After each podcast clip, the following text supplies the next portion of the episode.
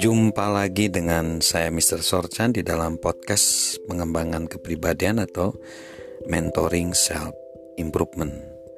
Pada saat ini kita akan belajar bagaimana sih kalau kita pengen terus sukses, terus berhasil. Kalau dalam konteks pemimpin, bagaimana kita bisa terus memimpin? Ternyata untuk bisa terus memimpin, kita harus terus belajar untuk kita bisa terus memimpin, kita harus terus belajar.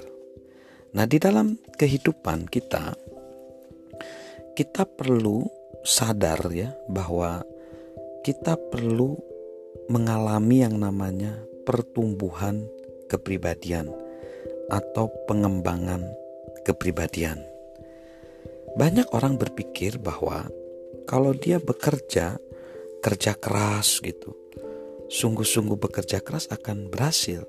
Tetapi tidak selalu demikian karena bekerja keras tanpa tujuan yang jelas itu juga tidak berhasil.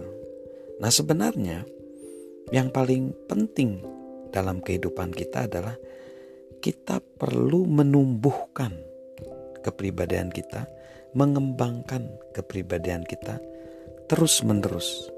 Jadi, kita bertumbuh setiap kali, setiap hari, berkembang setiap hari, bergerak terus mencapai potensi kita.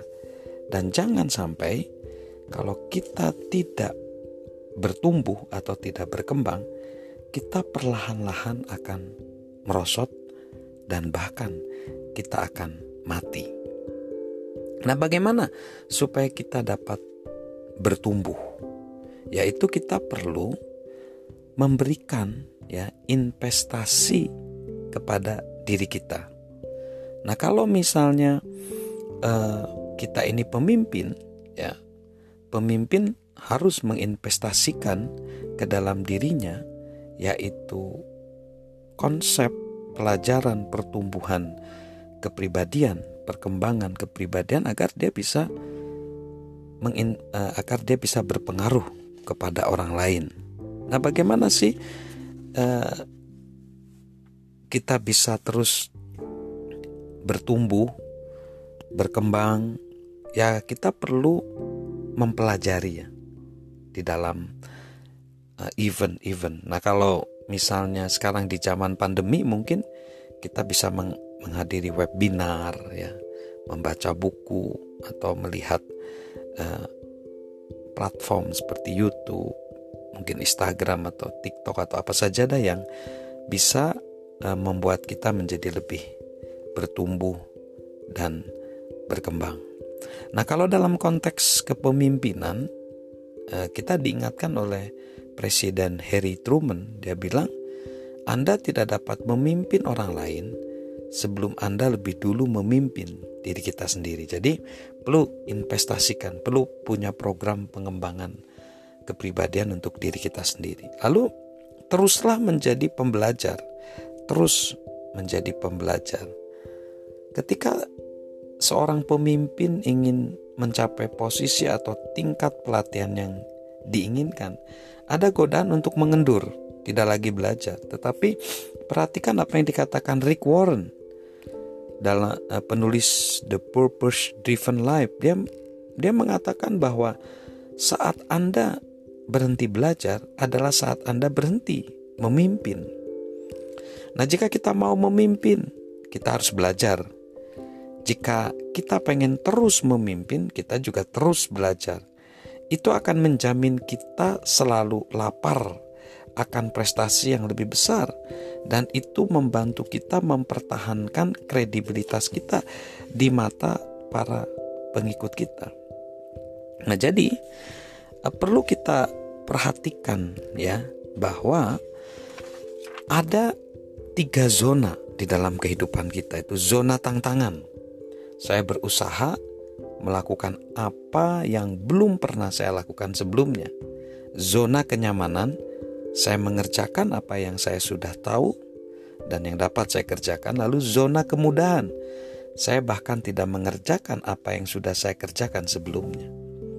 Nah, perhatikan seperti bayi ya, masih kecil.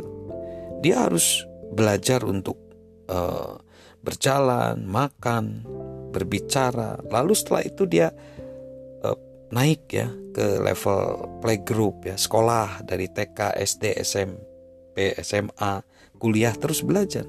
Namun tiba masanya di mana banyak orang ya tidak lagi harus terus mengusahakan hal-hal baru. Nah, dia sudah ada di di zona mungkin nyaman lalu kemudahan. Nah, ini yang yang perlu kita pelajari. Kadang-kadang ya ketika kita memutuskan apa yang kita diami misalnya zona tantangan di mana kita terus mengusahakan hal baru, menjelajah dan kadang-kadang gagal, zona kenyamanan di mana kita tidak lagi mengambil risiko atau zona kemudahan, di mana kita tidak mau mencoba lagi.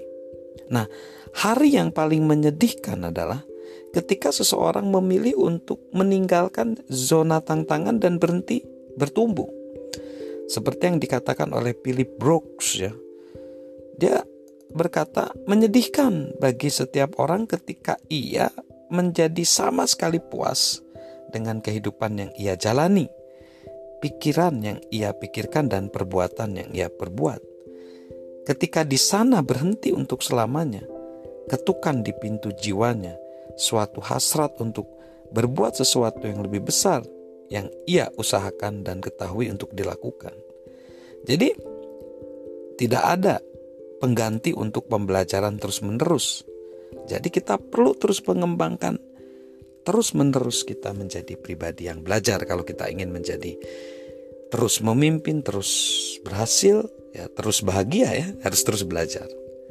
Salam pembelajaran, salam mentoring dari saya, Mr. Sorchan.